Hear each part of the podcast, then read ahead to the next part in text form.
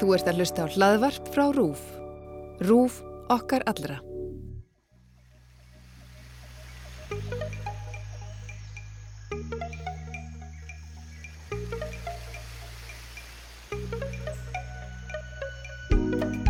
Góðan dag, kæri hlustandi. Þú ert að hlusta á X21, kostningarhlaðvarp RÚF. Ég heiti Holmfríður Dagni Fríðansdóttir.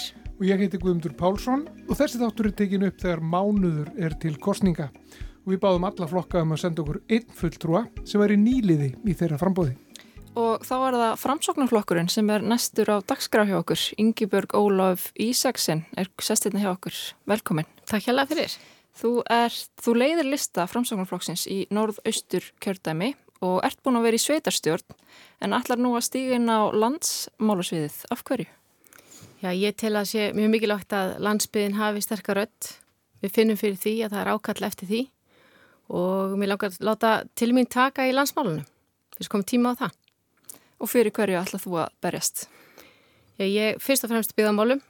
Ég hef líka talað mikið fyrir eh, loftslagsmálum og helbrismálum og ég get alveg tekið undir þær rattir sem að tala um það að helbrismálun ætti að vera eitt af stóru kostningamálunum núna í ár því að vandi helbriskerfisins, hann er markþættur og hann verður ekkit listur með einu pennastriki eða yngungu auknu fjármagni þó það vissulega sé hluti af lausninni heldur þarf í rauninni að að mínu mati að horfa á hildarmyndina og skoða hvernig er hægt, hægt að mæta þessu vanda og við þurfum í raunin að hugsa þetta bara og nálgast þetta með nýri hugsun og nýr, nýjum nálgunum.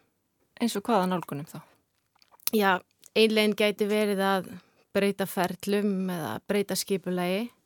Aðra lausni gætu verið í, faldar í því að semja við aðra aðela sem er að veita heilbyrstjónustu.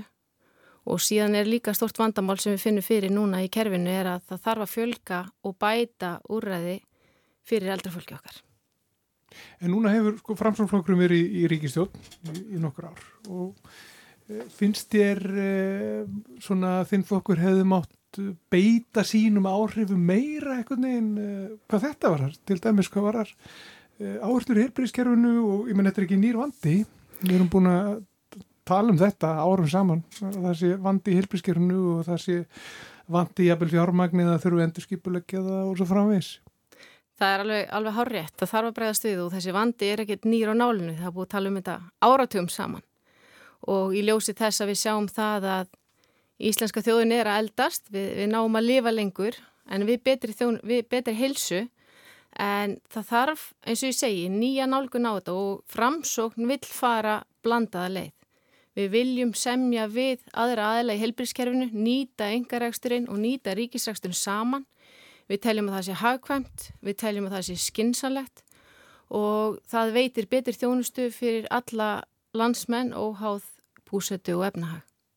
Og upp á hversu miklu, svona, hversu langt á að ganga í því, þetta blöndu leið, ég menna á að fara í aukin yngarekstur, á að, á að ynga veða ákveðna hluta helbriðiskerfisins, hvernig, hvernig sjáu það fyrir ykkur? Nei, ég til að það ekki að ynga væða heldur að semja við þess aðila. Yngarekstur hefur verið við líði áratögu saman og ríkið hefur nýðugreitt þá þjónustu.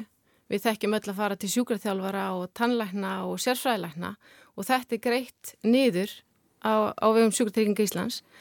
Ég tel að ríkið eigi að semja við þessa aðila í gegnum sjúkratryggingar Íslands og setja fram bara við skilirði varandi verð, magn og gæði og þegar við erum komin í samstarf við þessa aðila þá erum við með þætti þarna úti sem geta brugðist við heilbríðsvandanum. Eh, ef við horfum á til dæmis og ímyndum okkar heilbríðskerfi sé píramíti.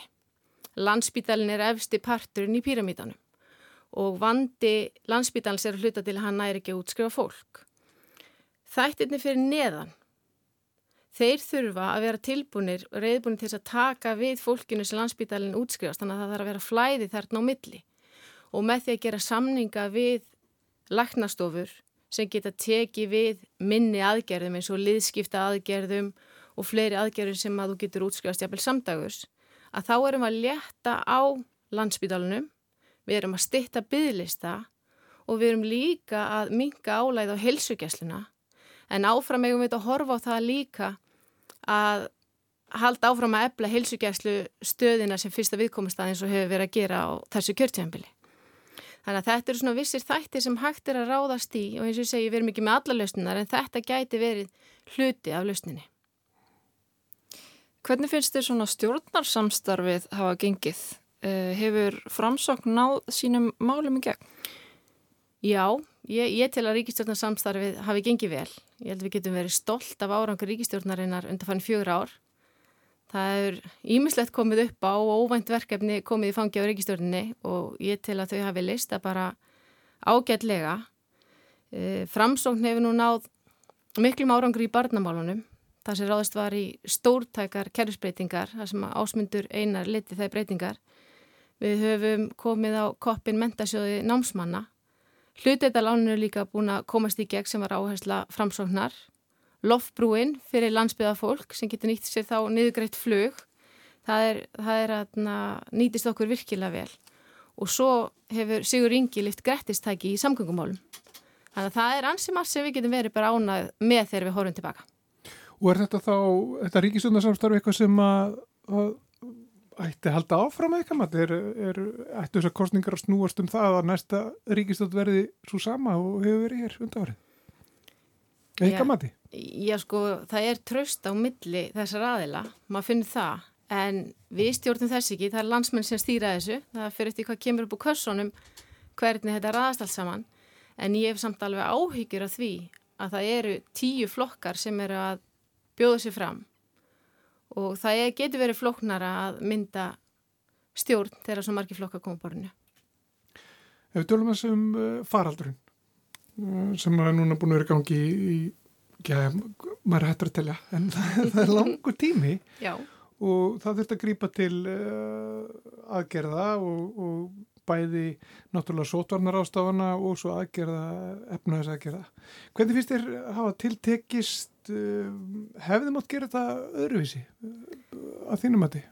Ég held að það sé alltaf auðvelt að horfa svona í baksinspeilin og, og sjá að maður hefði geta gert eitthvað með öðrum hætti þegar maður veit hvernig málinn þróðust. Uh, við vorum hins vegar alltaf á þeim tíma við, við óvissan var svo mikil, við vissum ekki hvernig faraldri myndi þróast og ég held að allir hafi vonað það svona í byrjun faraldisins að þetta myndi ganga yfir á 3-4 mánuðum. Ég held að engan hafi órað fyrir þetta myndi taka svona langan tíma. En mín skoðin er svo að það hafi verið tekið vel á málum og skinsamlega nálganir í tengslu við þær, þau úræði sem að voru sett fram. Og það hefur sínt sig núna bara að við erum að vaksa atvinnleysi er að minga og við erum að ná okkur upp úr þessu. Þannig að ég held að það sé leitandi annar þjóð sem hefur komist jafn vel frá faraldrinum bæði heilsufarslega og efnarslega eins og íslenska þjóðin Hvernig séu fyrir fram framhaldið. Um, það er verið að tala um það að það þurfa að vera einhverjar eh, takmarkanir áfram, til dæmis eh, sótandarar eh, aðgerðir. Hvernig, hvernig séu þetta fyrir þér? Hversu langt á að ganga finnst þér? Það er talað um það að núna eru margir bólusettir, fólk er að veikjast minna, margir vilja bara galopið samfélag eins, eins og staðan er. Svo kemur, heyru við fréttir á spítalanum og svo framvegs og svo framvegs. Hva, hvar liggur þessi lína fyrst þér? Já, líkur hún ekki á miðinni, þurfum við ekki að vera skynsum. Ég, ég tel að það sé svolítið mikilvægt að við hugum þetta fyrst og fremst um þá sem að verða veikir og við erum að sjá það núna þegar við búum í bólusettu landi að þeir sem verða veikir, þeir verða minna veikir og það eru færri sem verða veikir og það er þá frekar líka þeir sem eru óbólusettir sem verða alvarlega veikir og það þarf að huga því og ég held að við ættum að ljúka því að bólusetja börnun okkar 12 ára og eldri, klára það þannig að við getum haldið skólastarfi vonandi eins óskertu og hægt er. Við þurfum að læra að lifa með veirunni, það er alveg víst og hver veit þarf við að huga sínum sótvörnum sjálfur og við þurfum bara að sjá hvernig framlega stundir. Ég held að sé of snemt núna að fara að spá okkur fram í tíman, við þurfum að sjá hvernig þetta, hvernig þetta þróast en þetta lofar góðu. Hver er stefna framsónaflokksins í, í málumnum innflytenda og uh, hælislitenda og flottamanna. Þetta er mál sem er á könnu ykkar ráð þeirra, uh, ásmundar einars. Já, það er rétt. Eins og komið hefur fram í fréttum að þá er Íslenska þjóðin að taka múti 120 einstaklingum frá Afganistan og við viljum hjálpa til þegar það er neyð einhver starf út í heiminum þá þarf að bregðast við og við þurfum að veita hjálparhönd en það þarf að vanda vel til verka þegar þetta er og þetta þarf að ganga hratt og vel fyrir sig og ég til að sé mikilvægt bara að allar all umgjör í kringum þessar móttökur séu skýrar og góðar. Og hvernig þá? Hvað hva, hva fælst í því? Séu skýrar og góðar? Eru þar skýrar og góðar? Já, ég til að þurfa að bæti þetta aðeins. Við þurfum í rauninni að laga umgjöruna með þeim hætti að þetta gangi hratt og vel fyrir sig og í tengslu við flóta fólk að þegar neyðin er sem mest þá þarf þetta að ganga vel þannig að við getum tekið á móti fólkinu og samfélagi sé undir það búið og öll úrræðin sé til staðar til þess að halda utan þennan hóp. Mm -hmm. Nú hefur ekki gengið vel að taka móti fólki í þessum kórnaveru faraldri. Finnst þér það ásættanlegt? Nei, eins og ég segi, við, þú veist það þarf að bæta þessa umgjörð. Því að við, þú veist, ef við sjálf sem þjóðmyndum lenda í einhverju krísu sem þessari að þá viljum við endilega líka vantarlega að aðra þjóður geti tekið á mót okkur og þetta er, þetta er alheims vandamál og við þurfum öll að leggja okkar mörgum. Nú leiðir þú framsókn í stóru og mikilvægu kjördami og þú talar um byggðamálinn áðan. Hvað þarf að gera í þínu kjördami? Já, fyrst og fremst kannski að jafna stöðu landsbyðarinnar til móts við stór höfuborgarsvæðið. Við finnum að það eru ímisverkefni sem að liggja fyrir Það hefur verið margt, margt hefur verið áunist hjá okkur. Uh, Samgöngumál er alltaf mikilvæg mál á landsbyðinni. Þetta er lífaðin okkar, þetta þarf að virka. Það hefur verið gert ansi margt í tengslu við flugvöldinu á Akureyri. Það hefur verið byggt upp flughlað og núna nýja flugstöð og svo loftbrúin sem ég kom inn á áðan sem er mikilvæg fyrir landsbyðina. En það er, við þurfum að byggja upp innviðin okkar til þess að við getum fjölga landsmönnum út á landsbyðinni Við þurfum að hafa dreifikerfi ramags, það þarf að vera örugt og stert. Við þurfum að hafa húsnæðismálinn í lægi, það þarf að vera húsnæði búið til þess að fólk geti flutt á þessar dreifðubigður og við viljum líka fá sérfræðistörf og við viljum fá vel launuð störf út á landsbyðina og COVID hefur nú sínt okkur það að það er hægt að vinna hinn ímsu störf án staðsetningar. Þannig að við viljum undibúa samfélagi með þeim hætti að það sé að þetta taka mótið. Og eru, eru plönum þetta? Eru þið með ykkur aðgerir í huga? Í tengslu við störfum staðsetningar? Já, í tengslu við líka bara þessa uppbyggingu innviða á landsbyðinni, húsnæðismálinn þar og, þetta sem hún nefnir. Já, þú veist, það eru til dæmis hluteldalánin sem hafa komið gegn núna síðasta kjörtímpili sem hafa nýst og tryggbyggð verkefnið. Við sjáum það að það er að koma núna að sprett upp húsnæði vísvegarum kjördæmið og vísvegarum landið á stöðum þar sem að jafnvel ekki hefur verið byggt áratugum saman. Þannig að það er mikið gleði efni og við finnum líka fyrir því að fiskaldi til dæmis á östfjörðum, það hefur skapað mikla atvinnu og, og í rauninni styrt byggðina mikið. Þannig að það eru gríðarlega tækifæri í kjördæminu sem við erum að nýta okkur, bæði í tengslu við græna hagkerfið, landbúnaðinn, uh, sjávarútvegin, við erum með mjög sterk sjávarútusfyrirtæki þarna og fiskaldið og ferðarþjónustuna sem ekki má gleima því að hún er ísandi í norðustu kjörðami. Þannig að þú minnist þarna á græna hagkerfið, tölum það um, um umhverfismál.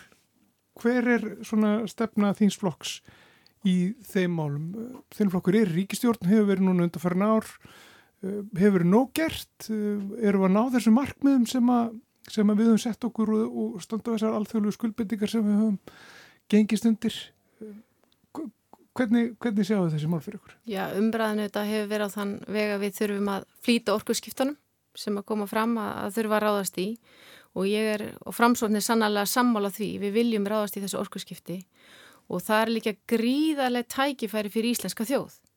Því að við erum með alla þessa grænu orku á landin okkar og grænu orku sem aðrar þjóðir leita loðandiljósi að. Og þar tel ég að sé mjög mikilvægt að við nýtum þessa innlendu hagkvæmu grænu orku inn í orkuskiptin. Og þá er ég rauninni að, að tala um það að við horfum á alla þá þætti og alla þá möguleika sem er til staðar í íslenska hagkjærunu að við séum nýtum okkur jarvarmann, við nýtum okkur vassablið og við séum tilbúin líka til að skoða vindorkuna enn en frekar sem að hefur tekið miklum framförum undarferðinum árum. Og þarna liggja tækifæri. Við sjáum til dæmis ef við horfum til Dammörkur sem að tók risastórskref fyrir nokkur mánu síðan í tengslum við þessi mál. Og það er orðið að mjög stóri útflutningsgrein hjá þeim að flytja út þekkingu og búna í tengslum við þessi mál. Og íslenska þjóðin gæti líka verið í, í mjög góðri stöðu ef við leggjum áherslu á þessi mál. Hvað er stóra málið núna þá? Hvað er það að flýta, flýta orkuskiptum? Er það, já, er það stærsta málið? Ég held að já, stóra skrefi sem við þurfum að taka núna er að fara í orkuskipti. Við þurfum að byrja á bílaflótunum okkar og svo skipaflótunum og svo þegar framlega stundir þá fara líka í fljóvilarnar. Þannig að þetta, þetta er eitthvað sem við þurfum að ráðstíða og við erum auðvitað að byrjuð á þessu en það er líka mikilvægt að við áttum okkur að því að innviðinni þurfa að vera í lægi. Það er ekki hægt að koma öllum á ráknúna bíla og, og svo er innviðinir ekki tilbúinir til þess að taka mútið. Þannig að þetta þarf alltaf að tala saman og við þurfum bara að stíga þessi skref. Nú er þjóðinu eldast. Við sjáum fram á alls konar uh, úrlausnarefni sem að býða vegna þess. Það er talað um hjúkunarheimilin, það er talað um að þau þurfa að færa jafnvel þjónustuna meira inn á heimilin uh, það þarf að fara einhvern veginn að grípa til að gera. Hvað sjáðu þið fyrir ykkur í, í, í þeim efnum? Já, þetta er rétt jáður, þjóðin er eldast og, og við þurfum, eða framsókn er þeirra skoðunar að við þurfum að ráðast í kerfisbreytingar. Við höfum reynslun að því í tengslu við barnamálinn, þar sem að unni var að fara í stórtakar kerfisbreytingar til þess að fá öll sviðin til þess að, að ræða saman. Í dag er það þannig að við erum að veita vissulega góða þjónustu á mörgum sviðum. Mismund eftir svæðum, vissulega og eðlilega, en þessi kerfi tala ekki saman. Þau eru miklu leiti flokkuð í viss síló og einstaklingur sem er að nýta þess að þjónustu er alltaf að reyka svo einhverju veggi. Að það er svo mikilvægt að ráðast í það að þessi kerfi, að sé flæði þarna á milli þannig að þjónustan taki, hver þjónust, þjónustustigi taki hnökaralust við af öðru og framsókn mitt leggja áherslu á það að við ráðumst meira í utan sjúkrahúsaþjónustu. Við viljum mæta einstaklingnum út frá hans þörfum og löngunum. Við sjáum það að um 98% eldra fólks vill búa heima og við þurfum að gera þeim kleift að þau geti búið heima og þau geti eld, eldst með reist og það þýðir það að við þurfum að færa til fjármagn í kerfinu. Í dag er, er tveir þriðju fjármagsins að renna til hjúgrunaheimila eitt þriði í heimaþjónustu. Við þurfum í raunin að snúa þessu viðlíkt og er gert í Danmörku. Við þurfum að leggja miklu meiri áherslu á það að hafa í bóði sveianlega dagþjálfun, heimahjúkurun, heimaþjónustu og svo áfram að tellja. Og þjónustan þarf þannig að veru gardi gerð að fólki sem býr heima geti trist þjónustunni. Og þetta þarf þá að gerast um all land og líka í dreifbílunum? Þetta þarf að gerast um all land en auðvitað þurfum við líka að snýða stakka eftir vexti. Við vitum það að það er ekki að gera sömu kröfur til dæmis á rauvarhöfni eins og í Reykjavík. En við þurfum að, að veita góða þjónustu. Það er, það er nummer 1, 2 og 3. Mm -hmm. En þetta kostar peninga? Þetta kostar fjármagn. Það er, það er vissulega rétt og það gæti kosta fjármagn að breyta þessu fyrstum sinn. En þegar þetta er framtíðari litið þá tel ég miklu vannleira að forgangsáða fjármagninu í þjónustu við einstaklingin heldur en það fari í steinsteip og við fjölgum endalust hjúgrunarím. Uh, þegar öll er á botni kvöld í helbrismálum þá snýst þetta um það að því fjármagnir sem veitir inn í helbriskerfið sé nýtt á þann hátt að það nýtist einstaklingum sem að þarf á þjónustuna halda sem best. Ef við förum að, að, að ljúka þessu eh, þá kannski einn pæling svona í lokin, þú ert nýrframbjöðandi í landsmálunum. Já. Er þetta allt öðru sér heldur en eh, sveitastöndafónu sem þú þekki nú bara bísna vel? Er, er kostningabaratan öðruvísi? Kostningabaratan er öðruvísi að þvíleitin til að svæðið er stærra. Kjördæmi mitt er til dæmis gríðarlega stórt og við þurfum að koma víða við. Málin eru auðvitað líka aðeins stærri en ég, mér finnst þetta persónulega forréttindi að fá að taka þátt í kostningabaratu. Við erum að ferast um kjördæmið og hitta fólk og það er veltekið á mót okkur. Fólk leggur sér fram við að sína okkur e, byggðalagi sitt og starfsefnum sem það er í gangi og hvað má bæta og, og hvað hefur verið vel gert. Þannig að þetta er, þetta er gríðarlega spennandi og ég hlakka bara til næstu vikna. Takk fyrir komuna Ingi Björg Óluf Ísaksen, oddviti framsónaflokksins í norðaustur kjördæmi. Takk fyrir. Varst að hlusta á X21, kostningarhlaðvar Brúf. Við rettum við Yngibjörgu Ólöfu Ísaksen sem leiðir lista framsóknarflokksins í norðaustur kjördami. Nýjir þættir af X21 byrtast reglulega í spilararúf og á helstu hlaðvarpsveitum og við bendum fólki á að gerast áskrifendur þar og þá getið þið sótt þætti um leiður þetta inn.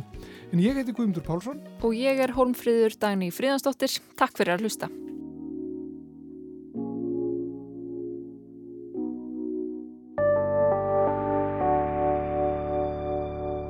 Rúf okkar allra.